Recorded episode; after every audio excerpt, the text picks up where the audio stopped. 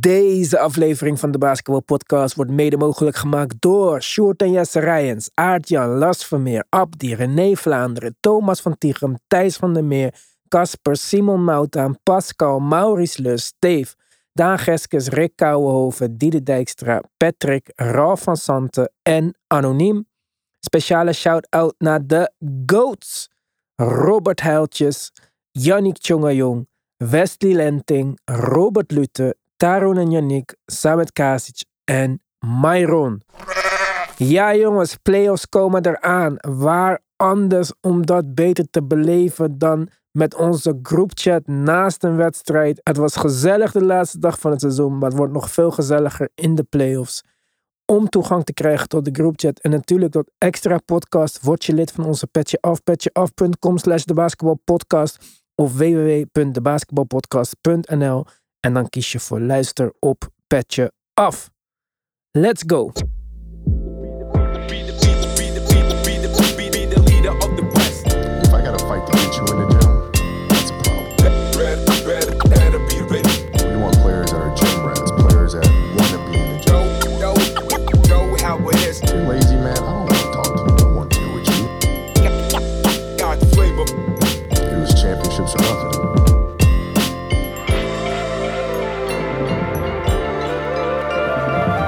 Boom, surprise.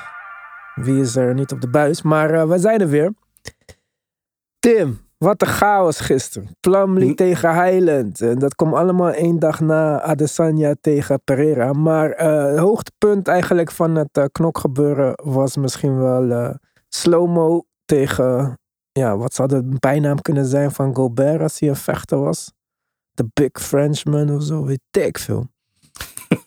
ja, ik weet het allemaal niet. Maar in ieder geval, Slow-mo zei... eh hey, blok eens wat schoten. Gobert zei... Hey, pak eens wat rebounds. En eh, daarop volgde een eh, vuist. Ja, niet vaak gezien volgens mij. Ja, maar wat is dit voor aansteller, jongen? Elke keer is hij op zijn teentjes getrouwd. Je wordt toch helemaal gek van deze gozer? Ja, dit, ik denk dat hij zijn eigen zaak geen goed heeft gedaan. En, het, het leek, je zag aan de reactie van, volgens mij was Torian Prince. Ja, die ging gelijk ook op Gobert af, zeg. Ja, van joh, wat doe je nou eigenlijk helemaal? Dus ik, ik, eh, ik weet niet of hij, eh, of hij hier, eh, nou ja, weer makkelijk bovenop komt. Maar nou ja, raar. Dan Gobert, volgende dag Instagram. Ja, emoties got the best of me. Ik had niet zo moeten reageren. Ik hou echt van Kyle. Het is een teammate die ik res- respecteer. Maar er is video footage opgedoken van Kyle Anderson die in de gang zegt van... You kiss his ass way too much. En eh, what the fuck is wrong with y'all? Jullie hebben een beslissing om te maken aankomende zomer. ja, nou ja, logisch. Ik, daar sta ik niet van te kijken. Ik denk dat het, ik denk dat het ook waar is. Ja, maar welke beslissing dan? Want al dat geld en al die picks die er zijn geïnvesteerd in Rudy Gobert, om dat nou tegenover zijn free agent signing te zetten, ja, dan denk ik toch dat, dat er snel een beslissing zou komen die, hoe krom dat ook zou zijn, in zijn nadeel zou uiten. Ja, ja. Dat denk ik ook. Eh, Ik zie helemaal niet eh, per se dat dat betekent dat ze Gobert er proberen te gaan uitwerken komende zomer. Want dat lijkt me een eh, vrij kansloze missie. Het zou in theorie natuurlijk kunnen, maar ik, ik zou zeggen succes met het maken van een trade die, die een andere partij ook zou willen. Dus dan heb je al snel dat het waarschijnlijk zou gaan uitdraaien. En dat zou ik ook oneerlijk vinden. Want wat mij betreft is de impact van Slomo op dit Timberwolves team echt groter dan, dan Gobert. Je zou het in de contracten niet zeggen, maar op het veld wel.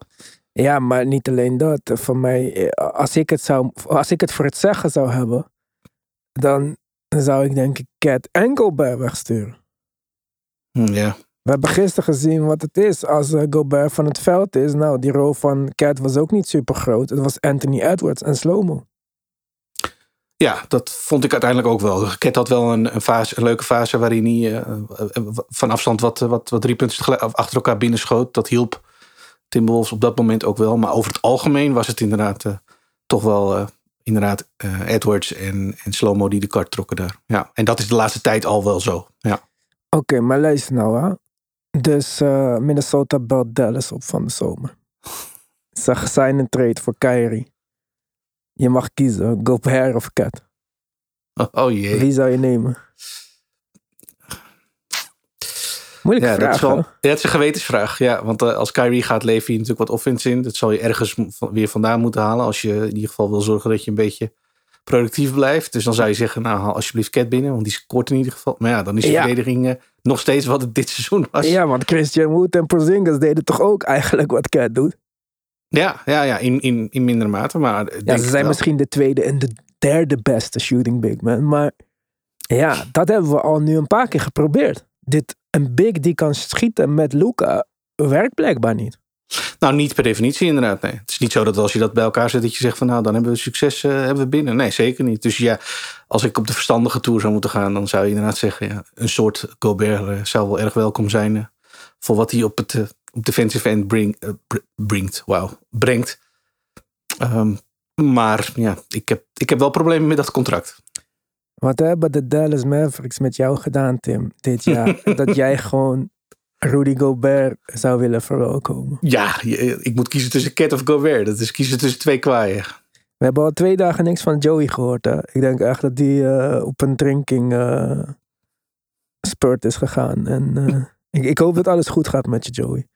Maar goed, genoeg over de nou ja, Timberwolves. Niet echt, want we gaan nog over ze praten met betrekking tot de play-in. Maar genoeg over dit onderwerp. Wat eh, had jij in petto voor mij vandaag? Eh, wat we gisteren natuurlijk ook hebben gezien voor ons gisteren eh, op, die, op die slotdag was het verhaal Clippers. Speelden tegen een, nou, misschien mag ik het zo noemen, B-team van de Suns. Mhm. En hun seeding was nog wel up in the air. En het kwam er uiteindelijk eigenlijk op neer. zouden ze gaan winnen, zouden ze vijfde worden, spelen ze ook tegen de Suns in de eerste ronde. Zouden ze verliezen, dan zou het waarschijnlijk kunnen betekenen dat ze terugvallen naar de play-in.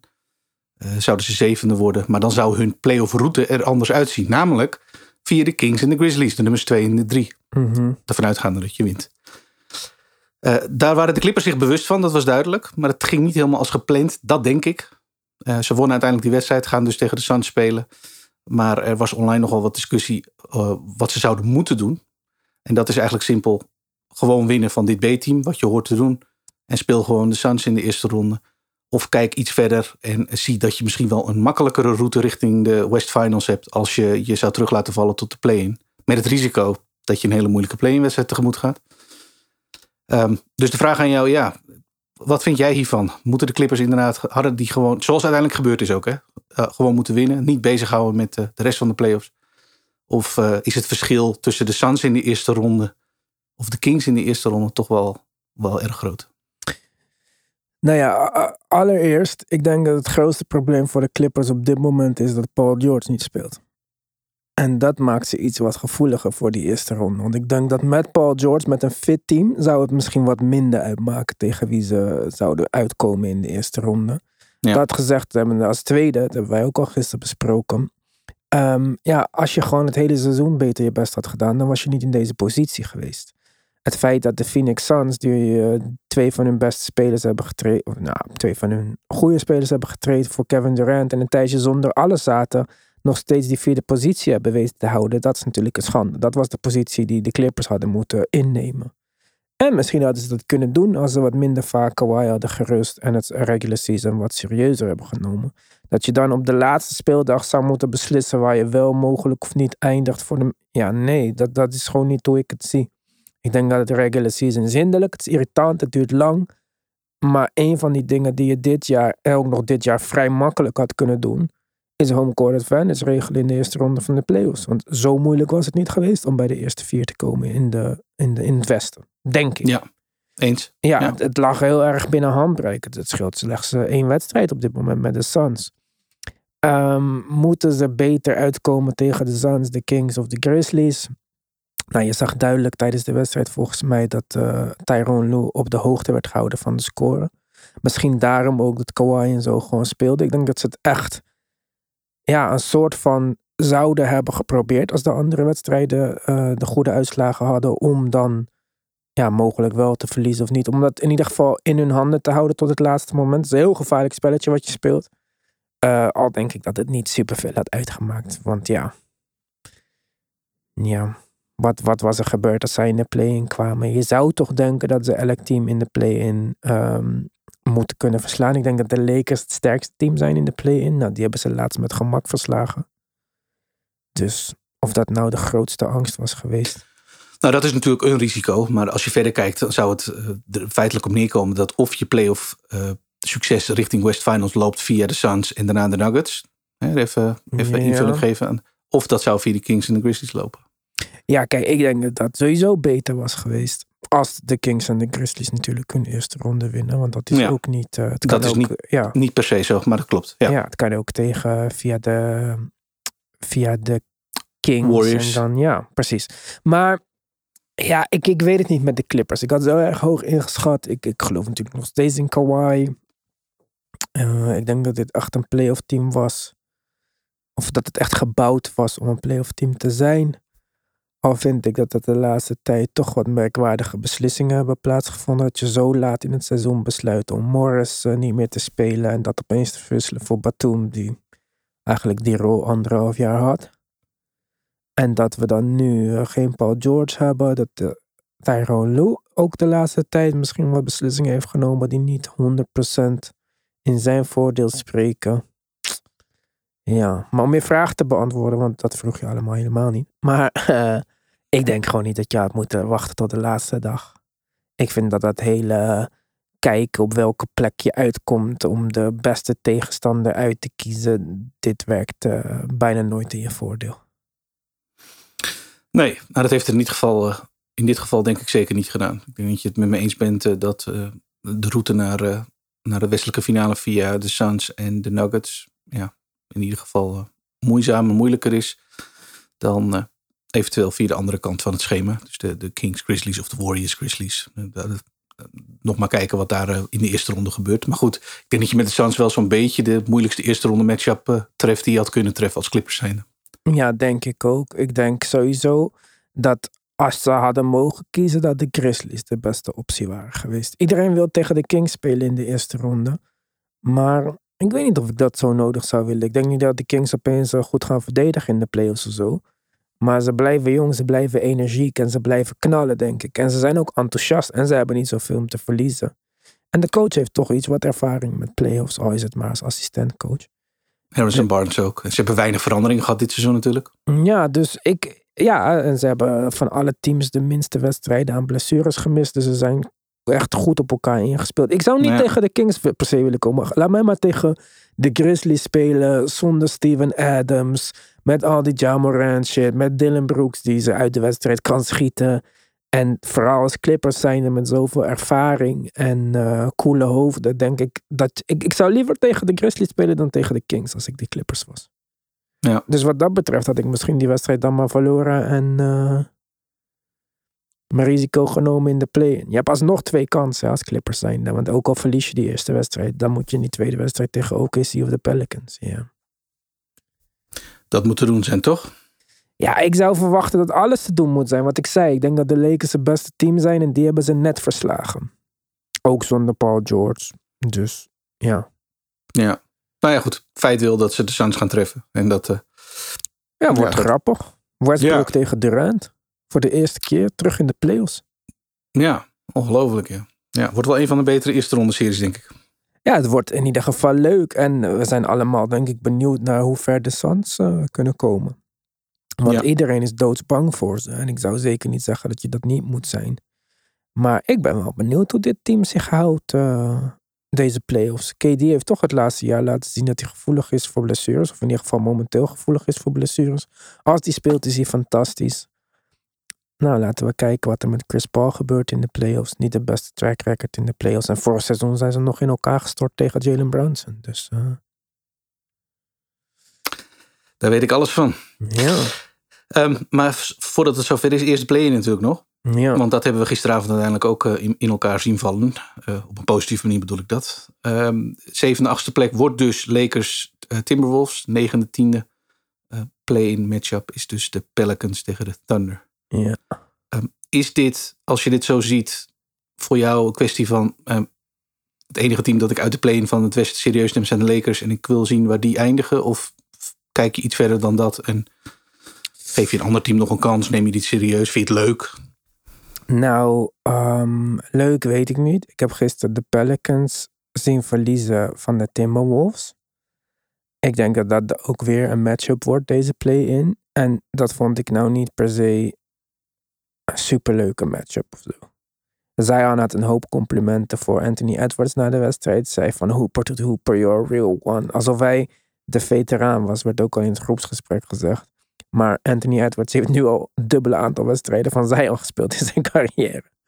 Dus eh, dat vond ik een beetje overdreven. Dat hoef ik niet per se te zien. Ik zou het misschien leuk vinden als OKC gewoon stunt en iedereen verslaat. Ja, dat zou wel wat zijn, hè? Ja, en ik denk ook dat het wel mogelijk is. Hè? Want oké, ik ga ervan uit dat de Lakers die eerste wedstrijd winnen. En dat zij dus tegen de Grizzlies gaan uitkomen. En dan gaan de Memphis, of gaan Minnesota spelen tegen de winnaar van de Pelicans en OKC. Ja, ik denk dat je daar je verstandige geld misschien op Minnesota zou zetten. Of zelfs op de Pelicans. Maar ik zou niet zeggen dat de OKC kansloos is. Maar alle, Nee, ik, ik ook zeker niet. Nee, ik, ik- mijn probleem met OKC zit hem in het feit dat ze eh, nou, misschien niet echt een play-off ploeg samenstelling hebben. En dan bedoel ik dat niet zozeer eh, op de spelers die op de vloer staan nu, want die doen het hartstikke leuk. Maar gewoon samenstelling van de ploeg. Kijk- Kijken naar het gebrek aan rim protection. Ik denk dat het voor veel ploegen, eh, ja, als je onder hun pressie uitkomt, want daar gooien ze het natuurlijk een beetje op. En ze hebben met Mhm. Lou Dort denk ik ook wel echt, wel echt een goede verdediger in huis. Als je daar een beetje onderuit kan spelen, dan, ja, dan moeten er zeker inside een hoop punten te halen zijn tegen, die, eh, tegen dat Thunder team. Ja, alleen ik weet niet of de Pelicans, ja, dan zou Jonas dat moeten doen. Want Ingram is de laatste tijd vooral heel erg op dreef voor de Pelicans. Zagen we, zagen we tegen Mm. Timberwolves ook weer. Ja, hoe ver kom je met hem als je eerste optie op het team is ook de vraag. Maar ik denk sowieso dat alle zes playoff teams geen problemen zouden hebben met de Thunder. Ehm, wat wel in het voordeel spreekt van de Thunder, denk ik, is dat op het moment dat je de playoffs ingaat en het spel wordt wat langzamer en je gaat meer toe naar een half-court offense, dat je wel een van de beste half-court spelers in de NBA in je team heeft. En Shea heeft laten zien dit hele seizoen dat hij kan scoren op bijna elke manier die hij wil binnen de driepuntlijn. Dus dat zou ik wel interessant vinden. Maar ze komen in ieder geval tegen Denver als eerste. En ik zou er toch van uitgaan dat Denver wint van wie er ook uit de play-in eh, tournament komt. Ja. ja. Lakers Grizzlies wordt een ander verhaal, denk ik. Of niet? Ja, iedereen is heel erg hoopvol voor de Lakers. Hè? LeBron James heeft zichzelf gisteren alweer eh, gekroond nadat hij een driepunter raak schoot. Niet van de logo, zoals de commentator zei, maar vanaf de reclame aan de zijkant van het veld. En ja, die moet tegen de Grizzlies gaan spelen. Ik, ehm, ik denk dat het een mogelijkheid is dat de Lakers de Grizzlies verslaan. Ik ben niet zo high op de Grizzlies. Maar dat gezegd hebbende, denk ik dat we ook een klein beetje de Lakers aan het overraten zijn. De coach heeft het hele seizoen nog niks laten zien. Ze hebben in de laatste stretch wedstrijden gewonnen, maar ze hebben ook makkelijke wedstrijden gewonnen. Het is niet alsof ze in die laatste 30 games, eh, weet ik veel, indrukwekkende tegenstanders hebben verslagen. Dus in een 7-game serie tegen de Grizzlies. Ik, eh, ik zou toch niet eh, een euro inzetten op de Lakers. Nee? Nee. Je gaat, uit van, eh, je gaat uit van de Grizzlies. Als ik je moet vragen, een van de twee, dan is het Grizzlies. Ik denk dat we heel erg eh, gaan zeggen na deze serie van, oh ja, ja, ja, ja. Het was niet voor niks dat de Grizzlies tweede stonden. Oké. Ook al is de momentum nu in favor of the Lakers. Ja, dat laatste denk ik ook wel. Ja, maar wacht maar eventjes. Totdat een seven game serie in de playoffs is. Dat eh, hebben we zelfs vorig jaar nog gezien. Dat is inderdaad een heel ander verhaal. Ja, Ehm. ja Morant gaat dunken over, eh hoe heet die, street clothes. En die gaat zijn wenkbrauw blesseren. Het wordt lastig voor de Lakers. Eh, over de playoffs die een different, eh, verschillend ander verhaal zijn, hebben we natuurlijk vorig jaar gezien tussen eh, de Hawks en de Heat. En die treffen Mhm. elkaar nu in de play-in, Ja, in het oosten. Is het eigenlijk in het oosten hetzelfde als in het westen? Als je kijkt naar de ploegen die daarin zitten. En dat je zegt, nou, voor wat betreft eh, de ploegen die uit de play-in komen, is wat mij betreft alleen de Heat een kandidaat waar je als play-off ploeg eh, bang voor moet worden. Ja, vind ik lastig. Kijk, als we alles in perspectief zetten en we kijken naar total wins en losses van Miami, die zijn net zo hoog als de vierde geplaatste Clippers in het westen. Ah, vijfde geplaatste Clippers in het westen. Dus Miami heeft een relatief beter seizoen gehad dan wat wij van ze zouden denken nu dat ze in de play-in staan, zeg maar. En ze staan tegenover de Atlanta Hawks. Ja, daar is mijn mening wel bekend over. Ik weet niet hoe snel Quinn Snyder hier wat van kan gaan maken. Maar het, het lijkt me toch dat dit eh, probleemloos moet verlopen voor Miami. Ja. En het zou ook niet een, oh. een serie zijn die mij boeit, sowieso. Eh, de Miami-serie die ze vervolgens in de playoffs gaan spelen tegen waarschijnlijk Boston dan. Dus. Nee, nee, die boeit me wel, want dat is leuk. Oh. Dat hebben we, wat, wanneer was het? Vorig jaar of dat jaar daarvoor eh, in, de, in de conference finals gehad. Gezien. Ja, ja, ja. Ja, Ja. ja. ja, ja. Dus dat, dat is was vorig jaar. Dat, en dat is ook weer echt super veel pech voor Boston. Want ik denk niet dat dat je li- lievelings eerste ronde optie zou zijn, zeg maar. Nee, nee, nee. Dat denk ik inderdaad ook. Met het oog op de playoffs is het vanuit dit eh kwartet teams misschien wel de, eigenlijk het team dat je echt niet wil treffen in de playoffs. Ik denk dat als Boston eh, hoort dat Atlanta heeft gewonnen, dat ze champagne opentrekken en twee trainingen aflossen. Omdat ze toch niet echt hun best hoeven doen. Iets in mij zegt dat ook. Ja, ja. Niet dat Miami nou per se een fantastisch team heeft dit jaar, maar ze zijn wel playoff ready. Ze hebben inderdaad een speler die keer op keer bewijst dat hij in de playoffs nou, bijna een andere speler wordt. Ja, en ze gaan gewoon niet weg. Wat je ook doet. Dit wil je gewoon niet. Kijk, als het één wedstrijd is, Allah, maar een seven game serie.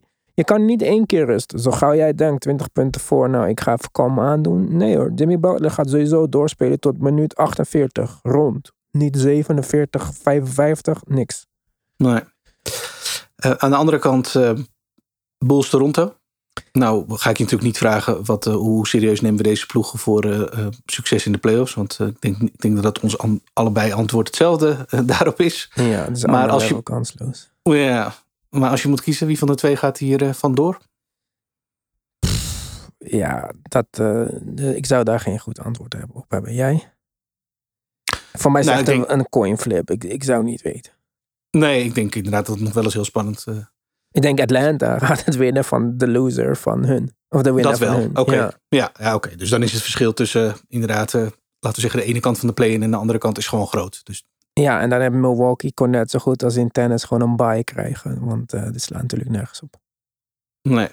nee, ik kan me niet voorstellen dat de Bucks daar heel veel moeite mee gaan hebben, inderdaad. Geeft Nee. misschien Chris Middleton nog wel iets meer tijd als, dat, als die serie heel gemakkelijk verloopt. Jongen, Jannes kan rusten die serie. En ze kunnen nog winnen van wie er ook daaruit komt.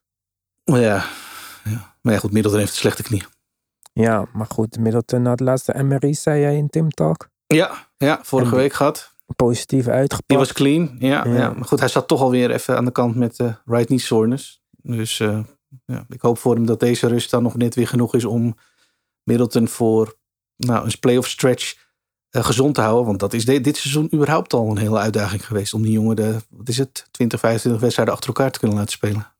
Ja, hij heeft het hele seizoen eh, 33 wedstrijden gespeeld, waarvan 19 gestart. En hij Ja. heeft 15 punten per wedstrijd. Dat is nou niet Ja. echt om over naar huis te schrijven. Nee, 24 precies. minuten per wedstrijd. En dat voor iemand die de laatste jaren als eh minuten high 33 minuten heeft eh, gepiekt, zeg maar. En in een contractjaar zit, als ik me niet vergis. Je niet vergeten. Ja. En 31 is. Dus ik Ugh, weet niet wat ja. er precies aan de hand is met zijn conditie, maar hij heeft een eh, niet zo best seizoen. Hij was drie jaar vrij eh, consistent, zo rond de 20, 21 punten.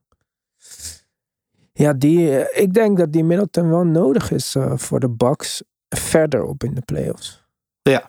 Dat denk ik eerlijk gezegd ook. Ja, ja. Kan nog wel een verschil gaan maken. Ja, want de Bucks moeten in de tweede ronde tegen de winnaar van Philly Brooklyn. Ja. Je speelt. nee, nee, nee, de 4-5. Oh, in de tweede ronde tegen 4-5? Oké. Ja. Ja. Tegen de Knicks. Wat voor dikkie. Tegen, tegen de niks, ja. Nou, we gaan het zien, we gaan het zien. Maar eh, oké, ja, play-in. Eh, ik moet je eerlijk zeggen, Tim, dit mag gewoon voor mij even afgerond worden deze week.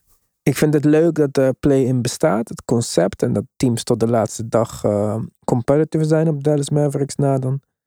Maar ehm, ja, om dit nou echt eh, met spanning te gaan zitten kijken. Ik ga het kijken, want er is geen ander basketbal. Maar het boeit mij niet echt zoveel. Want geen een van deze teams doet er, naar mijn mening, toe.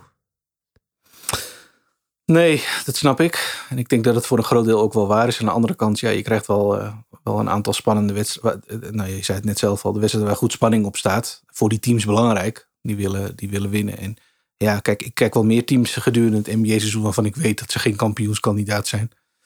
En soms probeer ik daar wel leuke dingen in te zoeken. En soms loopt dat ook gewoon heel erg leuk. Eh, Ik denk dat een, een, een Toronto, Chicago heel spannend kan gaan worden. Nee, ik denk inderdaad niet dat het een van de twee teams zijn die überhaupt iets gaan doen in de playoffs in het oosten. Het is ook maar één wedstrijd. Hè. Die wedstrijd kan ook gewoon net verkeerd uitpakken en eh, Ja. 20 punten verschil zijn. Dat is waar. Dat, dat, het, het, kan, het kan alle kanten op. En, en juist dat gegeven vind ik, om in ieder geval de wedstrijd te gaan zitten kijken, nog wel leuk. En ja, we zien wel hoe het loopt. Maar ik denk dat er in een aantal gevallen, eh, ja, de matchups ook gewoon, ik vind ze oprecht heel erg leuk. Ik denk zeker in het westen ook wel. Ben ik zou- heel benieuwd hoe het gaat uitdraaien. Ja, Ik zou het leuk vinden als die play-in een soort van drie-game serie was of zo.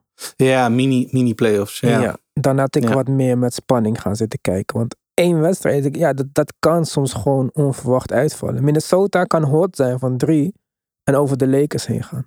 Ja, maar dat is wat ze natuurlijk willen. Straks met het in-season tournament ook. Die single eli- elimination games, ja, die brengen een bepaald soort spanning. Ja, die ken je uit college, maar anders eh, heb je dat in de NBA niet. Ja. Nou, ik voel die spanning nog niet zo. Maar- Nou, voor die spelers en voor de, de, voor de, ja, voor de manier waarop zij eh, kijken naar, eh naar postseason, ja, is het natuurlijk wel een, een, een, laten we zeggen, een different animal. Want normaal zijn ze natuurlijk gewend dat, het, eh, nou ja, dat je, je je tegenstander helemaal eh, kan doorlichten qua analyse. Mhm. Omdat je een hele serie eh, met ze tegemoet gaat. En nu is het inderdaad gewoon ja, alles of niks. En ja, ik denk dat dat voor die jongens, en uiteindelijk voor de kijker dus ook, daar, wel- daarmee wel een soort andere, ja, een soort andere dimensie aan dat, eh, aan dat playoff basketbal geeft. Wat we anders niet zien. We gaan het zien, we gaan het zien. We hebben nog twee coachingsberichten gehad gisteren eh, Ja. op de slotdag. Waarvan de een op dat moment nog op de bank zat. De andere coach kwam er zelf mee. Dus dat is, eh, dat is prima. Maar het, het nieuws van eh Houston Rockets coach Steven Silas lekte uit dat hij op dat moment zijn laatste wedstrijd aan het coachen was. Hij gaat dus volgend jaar niet verder als Houston Rockets coach, is, is hem medegedeeld. Ja, en dat geldt voor Pistons coach, coach Dwayne Casey ook. Hij wordt weggepromoveerd naar het front office. Ja, voor eh, Silas vind ik het wel echt eh, zielig, man. Ja, Ik vind hem echt, hij lijkt me echt een aardige man gewoon. ja maar ook een goede coach. Ja, weet ik veel. Hoe moet je goed zijn met dit team? In ieder Ja. geval was hij zo betrokken bij de spelers en de jonge spelers. Dat hij gewoon mensen als eh, Kevin Porter Jr. die een nieuw contract kregen, daar gewoon emotioneel van werd en zo. Dus ja, oké, ik wil niet zeggen dat dat nou eh, alles is wat je moet eh, doen om een goede coach te zijn. Maar voor een coach om afgerekend te worden op seizoenen met het team en de eh, squad die hij tot zijn beschikking had, ja, dat vind ik niet echt eerlijk. Vergelijk het een beetje dan met Brad Brown. Eh Brad Brown was natuurlijk bij de Sixers in de jaren van de rebuilding of tanking, of hoe de fuck Ja. je het wil noemen, de process. Eh, was ook een, coach die eh, ja, de spirit erin hield bij het team, zeg maar. En mocht daarna in ieder geval proberen om er wat van te maken. En ik denk dat dat gedeeltelijk ook gelukt is. En ehm, uiteindelijk hebben ze hem weggestuurd omdat hij ze niet over de hamp kreeg. Nou, de vervolgcoach ook niet. Dus dat heeft goed uitgepakt voor hem. Maar om Silas nu weg te sturen, ja, dan is het echt, dan druipt hij echt af. En dat vind ik ergens niet 100% terecht. En ik zei het al gisteren tegen jou. Ik hoop gewoon dat deze man lekker assistent wordt bij de Warriors of zo. Dat we hem even twee winningjaren kunnen geven. Want hij is in de laatste drie jaar gewoon 15 jaar ouder geworden. Wat een ellende heeft deze man over zich heen gekregen. Ja, dat, dat is wel echt zo. Ja. Het is vanaf moment één tot het moment eh, allerlaatste Dus één bak ellende geweest. Ja, Ja, en hij deelt er dus blijkbaar ook eh, zwaar mee. Want je ziet echt dat het hem aangrijpt. En volgens mij is zelfs zijn vader nog in de tussentijd overleden en Dit- zo. Het was ja, dit seizoen. Ja. Ja. een en al drama voor deze man. Dus ik gun hem echt het allerbeste. Ik gun hem echt een eh assistent-coach positie. Ergens waar gewoon... Waar hij een beetje de joy van het leven terug kan krijgen. Doe maar of in, bij de Warriors. Misschien nog beter in Denver. Lekker hoog in de bergen. Lekker luchtig. eh, lekker winnen de komende jaren. Ja, prachtig man. Ja. Hey, als je kijkt naar zijn opvolger, hè, je- als je kijkt naar zo'n Rockets team, je noemde het net al, zo'n jong team. Eh, moet daar nu een, laten we zeggen, een gearriveerde coach bij? We hebben wat namen voorbij zien komen die genoemd worden als, eh, als mogelijke opvolger. Daar zitten soms ook assistant coaches bij. Van die, nou ja, zoals ik assistant coaches die al jaren ergens op de bank zitten. Inmiddels zo'n cv hebben opgebouwd dat ze op een gegeven moment wel eh, voor headcoach, eh, voor headcoaching jobs in, in aanmerking komen. Maar dat zijn natuurlijk op dat moment wel onervaren headcoaches. Moet hier een, een, een, een strenge ervaren, nou ja, wat ik zei, de, de grotere namen eh, bijkomen? Of eh, kun je net zo goed weer gaan voor een nieuwe jonge coach en, en verder gaan met dit team op de, nou ja, op de tour zoals het nu al ging eigenlijk? Ik denk eerlijk gezegd dat het echt zinloos is bij de Rockets. Het maakt niet uit. Welke ervaren headcoach gaat hier wat van maken? Of gaat hier iets beters van maken? Er Niemand. zit wel hoop talent, toch? Ja, hoop talent. Nou, dat weet ik niet. Shangoon is heel goed. Eh, Jalen Green is heel goed. Maar wat voor type speler is hij? Kijk, ehm, we hadden gisteren als commentaar naar de wedstrijd van de Nets... eh, mijn favoriete coach Jackie... die dan zei over Cam Thomas... ja, hij moet leren om dit of dat te doen... en in de dienst van het... Nee, Cam Thomas hoeft niks te leren. Cam Thomas is de speler die hij is. Zo is hij ook de NBA binnengekomen. Het is aan de coach om daar een rol voor te vinden waarin dat werkt. En voor dat met Jalen Green zie ik ongeveer dezelfde speler als Cam Thomas. Ook al is Jalen Green natuurlijk hoger aangeschreven, is zijn ceiling misschien hoger. Maar hoe ga ik een winning team heen bouwen om een speler als Jalen Green, terwijl ik daar een hele slimme center heb, ga ik om een center een team ja, ook lastig. Dan zit ik nog met een rookie van vorig jaar die super hoog gecoacht is, die misschien anderhalve maand echt iets heeft laten zien. Ik vind het een heel moeilijk team om er iets van te maken. Ik, ik zou niet weten welke gevestigde naam coach ik zou. Ja, welke naam ik in de hoed zou gooien. Als ik zou zeggen, nou, die, die eh, heeft wel ervaring met dat soort dingen. Ik, ik Ja. zou niet weten. Kijk, Casey wordt het niet in ieder geval, want die heeft het niet Nee. gedaan bij eh, de Pistons. En, Nee, die gaat naar het front office daar. Ja. ja, en kijk, bij de Pistons bijvoorbeeld, dat, dat was een nog betere situatie eigenlijk. Want ook al stonden ze misschien op dezelfde positie onderaan, op papier was er in ieder geval een team wat meer logisch is. Ik, ik zou niet zo goed weten hoe je, wat je volgend jaar met de Rockets gaat doen. En dan zijn we nog in afwachting van wat zij gaan doen in de zomer met betreffende, betreffende James Harden bijvoorbeeld. Mhm, ja. Dus wat voor. Dus voor mij om. Ik, ik zou niet nu een coach aannemen. Ik, ik zou niet weten. Ik zou wachten. Ik, ik heb geen idee wat er gaat gebeuren. Als James Harden daar naartoe komt, nou, dan kan je net goed Mike D'Antoni nemen. Fuck it. Ja, wat fuck gaan we doen dan? Snap je? Dus het wordt, het wordt zo lastig. Wat ga je doen? Als jij. Als, stel je voor dat de Rockets buiten de top 3 vallen. In de draft bedoel ik. Dus dat ze niet een Wembanyama krijgen. Mhm, ja, ja. En dat ze dus een van die eh forwards gaan uitkiezen. Waar, waar je heel veel massa mee kunt hebben uiteindelijk. Hè? En ook dat is een positie die ze nodig hebben. Dus dan heb ik volgend jaar Kevin Porter Jr., Jalen Green, insert forward, Jabari Smith en Shangun. Ja. Ja, dan kan jij ook daar coach worden. Ik denk niet dat het wat uitmaakt. Ja, maar toch zou je moeten zeggen dat als, als je te maken hebt met zo'n met zo'n talentvol team, dat daar uiteindelijk wel een hele hoop uit te halen. Ik bedoel, zij hebben blijkbaar de filosofie al- allereerst heel veel talent binnenhalen. En daarna kijken we wel hoe we daar een, een, een team van maken dat ook echt winnend basketbal kan gaan spelen. Nou, ik, ik geef het je inderdaad mee dat, ja, dat het er momenteel niet best uitziet. Maar dat was volgens mij ook onderdeel van het probleem inderdaad. Het was allemaal te vrij. Eh, Ik denk niet dat eh, Silas daar iets van ik, ik wou zeggen respect afdwong. Ik denk niet dat het zover gaat dat het respect afdwong, maar wel een soort van autoriteit afdwong. Of dus niet. En dat dat ook een van de redenen is dat hij uiteindelijk moest, eh, moest vertrekken. En dat je dus misschien met een coach die daar nu binnen gaat komen, en iem- iemand moet selecteren die dat in ieder geval wel afdwingt. Omdat je dan kan gaan werken aan een culture die winnend is. Dus spelers accountable houden en Jalen Green aangeven dat het scoren is leuk, maar er moet wel iets meer gebeuren dan alleen dat. Wil je ooit eh, serieus mee gaan doen in de NBA? Zolang hij dat niet doet, ja. Het is lastig Sorry. hoor. Wie, wie zou jij... Ik zou echt geen één naam eh, kunnen bedenken. Frank Vogel? Ja, weet ik niet. Die ken jij beter dan ik, denk ik. Maar als ik nou denk aan eh, bizar goede coaches of zo, of eh, die iets magicals kunnen doen, denk ik nou niet direct aan Frank Vogel. Nee, misschien juist daarom. Want ik weet niet of je wonderen moet verwachten van, van dit Rockets team. Ik denk dat dit een gevalletje wordt. Ja, je moet hier een cultuur gaan omschakelen naar een groep die gaat geloven in, ja, we moeten wat minder flashy en wat minder eh, rennen en vliegen. Maar gewoon wat meer winnend basketbal kunnen spelen. Ik weet het wie ik zou nemen. Ik heb het Vertel. bedacht.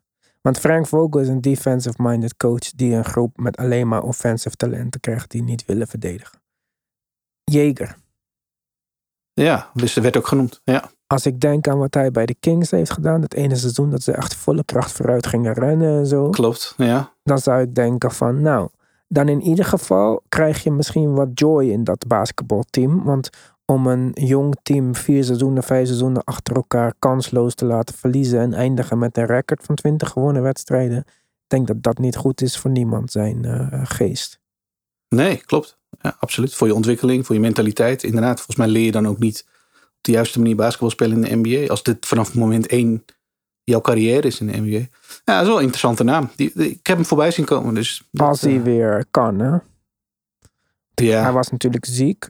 Ja. En eh, je weet ook niet wat er gaat gebeuren, want hij is eh, assistant bij eh, Phil- Philadelphia. Ja. Stel je voor dat Doc daar wordt weggestuurd en dat ze hem die baan aanbieden. Ja, dan ga je niet naar de Rockets. Zit Sam Cassell daar niet ook op de bank? Volgens mij is- Ik weet niet, zegt dat wat? Nou, ik geloof dat, dat, dat hij... Ja, maar dat zou ook weer dom zijn. Wat gaat Sam... Ja, maakt niet uit. De Sixers doen ook maar wat ze willen. Ja.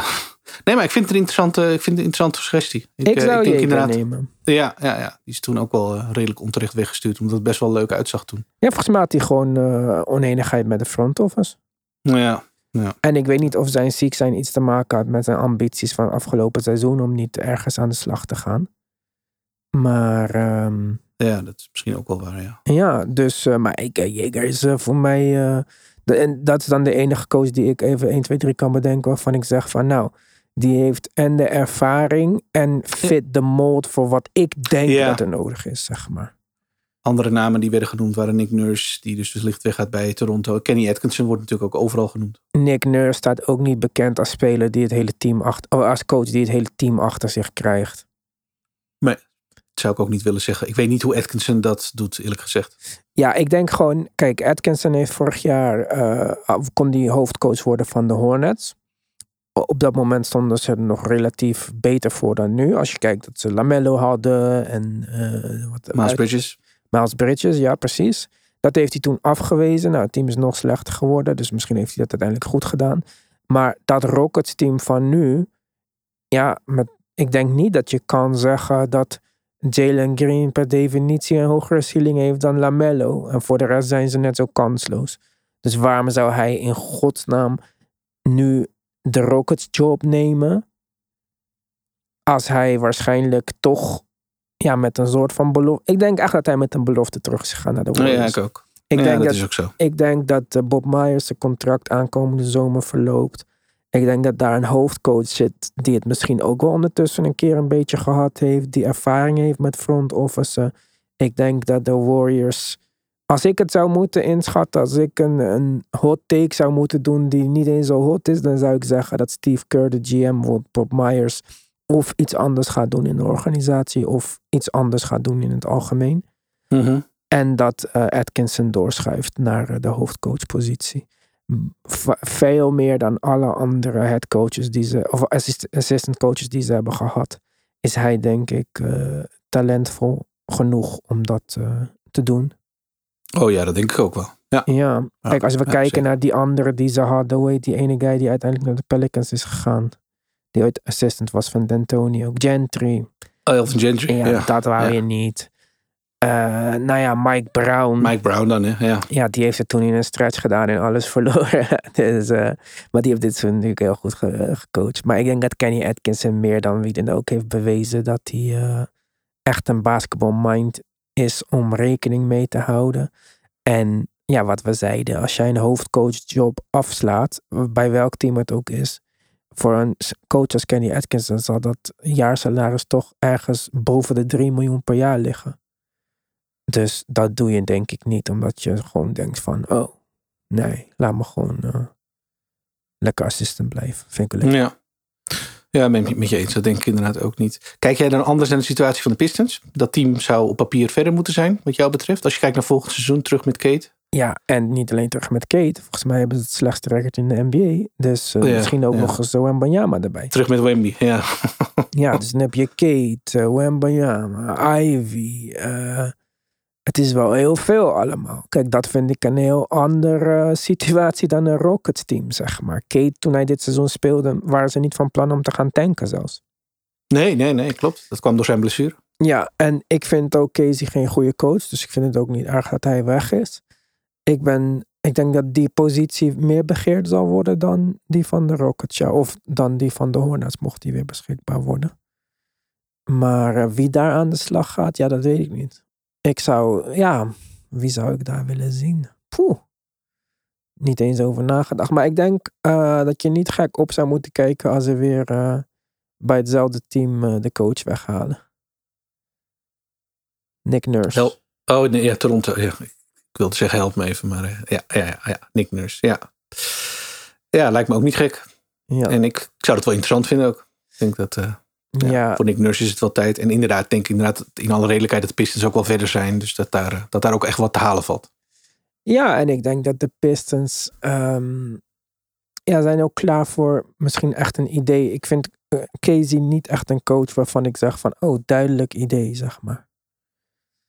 Nee, was meer eh, voor de ontwikkeling daar toch? Ja, maar ook bij de Raptors, wat heeft hij nou echt, echt bereikt, zeg maar. Ja, heeft één regular season echt goed gespeeld. Was altijd first round exit met een talentvol team. Het ja, ontbrak daar toch een beetje aan een basketbalfilosofie, denk ik. Ik denk dat dat belangrijk is om in te stellen bij een jong team. Om echt een idee te hebben van dit is hoe wij spelen. Dit is ons, eh, onze manier van basketballen. Hier gaan we naartoe werken. En of je nou dan echt gelijk eh, succesvol bent of heel veel wint of eh, wat meer verliest. Ik vind niet eens per se dat dat er zo toe doet. Jouw, ja, window is toch wat groter dan bij een eh, team met spelers van 30 jaar oud. Maar om daar een duidelijk idee neer te zetten. Ik denk dat dit seizoen jarenlang was, of het seizoen, het succes jarenlang was van de Spurs. Weet je wel, het maakte niet uit welke spelers erin kwamen. Het maakte niet uit in welke fase ze waren. Er was altijd in ieder geval een duidelijk idee. Ik denk dat een team met zoveel jonge talenten als dat de Pistons hebben, want ze hebben daar echt gigantisch veel, dat die er goed aan zouden doen om eerst een identity eh, vast te stellen en eh, daaraan te gaan werken. En dan eh, pas kijken hoe dat eh, uitpakt of zo. Ja. ja, met je eens. Ik denk dat het de juiste volgorde is. Ik heb eh, nog wel even twee kleine vragen voor je. Nou, Uiteraard hebben we het reguliere seizoen nu achter ons liggen. Als ik jou vraag, wat zijn jouw grootste verrassing van dit seizoen en de grootste tegenvaller of eh, teleurstelling van dit seizoen, wat zeg je dan? Het kan een speler zijn, kan een ploeg zijn, kan iets zijn wat je gezien hebt. ja, maar ja, ik denk dat, twee dat er twee duidelijke antwoorden zijn, eerlijk gezegd. En ik denk niet alleen voor mij, maar ik denk echt letterlijk voor iedereen. Mhm. Ik denk dat er niemand was, zelfs in Sacramento, die dacht dat zij zo hoog zouden eindigen. Ja. En ik denk dat er niemand is die dacht dat Dallas niet de play-in zou halen. Ja. Letterlijk denk ik dat er niemand was die een van die twee dingen had gezegd. Nee, anders is hij nu heel rijk. Ja, snap je? Dus ik kan wel nu eh, heel ingewikkeld gaan doen. Ik denk dat Jalen Brunson eh, ook een eh, positieve meevaller is. Een hele grote. Maar dat is nog steeds niet... Want er zijn mensen zoals jij die hem al goed vonden, zeg maar. Mhm. Maar dat de Kings derde zouden worden in het westen... dat denk ik niet dat daar heel veel mensen op ingesteld waren. Nee, volgens mij waren er aan het begin van het seizoen positievelingen die zeiden, nou, play-in. En dan hoorde je, nou zo, die is, op, die is eh, optimistisch zeg. Ik denk, het, ik denk dat als je als ze de zesde had staan... dat je nog steeds een beetje werd uitgelachen, ja. Ja, ja, ja. Heb jij andere wel- grote verrassingen dan? Nou, ik denk niet groter dan dit. Nee, nee, nee. Oh, Ik heb nog wel één teleurstelling trouwens. Dus, eh, ik wil dan zeggen dus Dallas en de Kings in eerste Ja. instantie. En dan als andere positieve dan Jalen Brunson. En als Hm. andere negatieve Zion. Ja, Zion, ja. Dat is wel een teleurstelling geweest. Ja. Ja. helemaal omdat we dit seizoen, ook al was het in een kleine sample size, zagen dat ze met Zion bovenaan staan. En dus zonder Zion zo laag staan, dat je ook nog een soort van bevestiging is van nee, het is niet alleen maar die mythe die we hebben gehoord over deze onstopbare speler. Hij is dat daadwerkelijk ook. En dan kunnen we hem weer niet zien. Dit wordt toch een soort realiteit hè, voor de Pelicans. Nou ja, daarom denk ik ook dat het eh, een lastig verhaal wordt. En ook qua beslissingen die je moet gaan maken. Wij hebben het daar al eventjes over gehad. Met z'n tweeën of hadden we dat in petje afgedaan? Ik weet Nee, niet. met z'n tweeën. Ja. Ja. kijk, de manier waarop de Pelicans nu spelen met heel veel drive en kick van CJ, met een eh, Trey Murphy die daarvan profiteert, hè? Ja. dat wordt allemaal anders op het moment dat je die spelersgroep samenspeelt met Zion, want dan is de spacing heel anders. Je hebt dan één minder shooter op de vloer, je hebt één meer persoon in de paint area staan, dus minder opportunities om te drijven en minder zinvol om te kicken als niemand gaat raakschieten. Dus hoe dan ook denk ik dat het een lastig idee wordt. Want de manier waar ze dus nu succes mee hebben, is niet de manier hoe ze spelen met Zion. Ja, ik, ik vind het lastig. Als ik Maar we hebben dit team toch ook goed zien zijn met Zion? Ja, we hebben ze goed zien zijn met Zion in een hele Ja. kleine sample size. Dat wel. Ja, en eh, kijk, dat was ook nog. Ik, je moet altijd kijken naar de ontwikkeling die spelers in een seizoen doormaken. Jalen Brunson was content met van de bank komen in Dallas. Totdat hij een playoff serie won. En dacht: nee, ik eh, ben een starter en ik wil mijn eigen team. Ingram is nu de go-to guy geweest. En heeft dat succesvol gedaan. Denk je dat hij super enthousiast wordt als ze van de zomer weer zeggen van eh, oh ja, we gaan weer terug naar hoe het was aan het begin van dit jaar. En jij wordt onze tweede of derde optie. Ik moet het allemaal maar zien hoe dat uitpakt. Ja, dat, eh, voor Ingram betekent het in ieder geval een, stapje terug. En hij is inderdaad zeker de, de man die de ploeg op sleeptouw eh, heeft Ja. genomen de afgelopen tijd. Alleen ja, het heeft niet per se geleid tot, eh, tot groot succes. Hoewel, Nou, toch ook weer niet. Ze waren buiten de play-offs en we dachten even dat ze het helemaal niet gingen halen. Blijven de play-in. En dat hebben ze toch met Ingram, die ze op sleeptouw hebben genomen, die vooral in de laatste maand echt Zeker. is tot de go-to guy. Eh, Ja. Hebben ze dat bereikt? Ingram is ook in het verleden all-star geweest. Eh, Als het iets niet ontbreekt bij NBA-spelers, is het zelfvertrouwen. Dus waarom zou Ingram... de vraag is alleen, als je dat zou doortrekken naar, het, naar een sample size van een heel seizoen, is dat ook dan voldoende voor de Pelicans om, om, om leuk mee te gaan spelen? Of Dat is een vraag voor jou en mij, maar niet voor Brandon Ingram. Brandon Ingram gaat echt niet daarover denken, hmm, misschien, maybe wat. Nee, die denkt gewoon dat hij... eh, ja, dus inderdaad. Dus eh, als, als wel weer terugkomt, wat we in ieder geval aan het begin van het volgende seizoen kunnen gaan verwachten. En voor hoe lang, dat weten we dan weer niet. Maar goed. Ja, en dat is dus ook het punt. Als je wist Ja. dat Zion, als dit Zion zijn eerste blessure was en je dacht, nou nu komt Zion terug, dan zou ik eieren voor het geld kiezen, Brandon Ingram treden en een speler bij aantrekken die beter Ja. bij Zion past. Ja. Maar aangezien je niet weet of dat gaat lukken en ze nog steeds niet een heel seizoen samen hebben gezien, moeten we weer volgend jaar gaan doen wat we eigenlijk twee jaar geleden al hadden willen doen. Kijken waar we ervoor, hoe we ervoor staan met deze spelersgroep. Ja. En dat Ja. blijft, dat zou voor mij het meest frustrerende zijn. Je komt geen stap verder. En die David Griffin, hij heeft heel veel picks verzameld en zo, weet ik veel, allemaal leuk wat hij heeft gedaan. Maar nu dan? Want je moet nu beslissingen gaan maken, eigenlijk voordat jij eh, met heel veel zekerheid die beslissingen kunt nemen. En daar onderscheiden zich, denk ik, de echte genieën van de ja, simpele stervelingen. Gaat hij dat nu doen? Of gaat hij afwachten? Vallen net die picks die hij heeft eh, slecht uit. Kijk, die Lakers pick was bijna een lottery pick geweest. Nu wordt het misschien, eh valt die la Snap je? Het is, Ja. je kan zomaar pech of niet pech hebben. Als jij niet een soort van iets inzicht extra hebt wat wij allemaal niet hebben. Ja, dan verandert het ook gewoon de hele situatie hoe de Pelicans ervoor staan.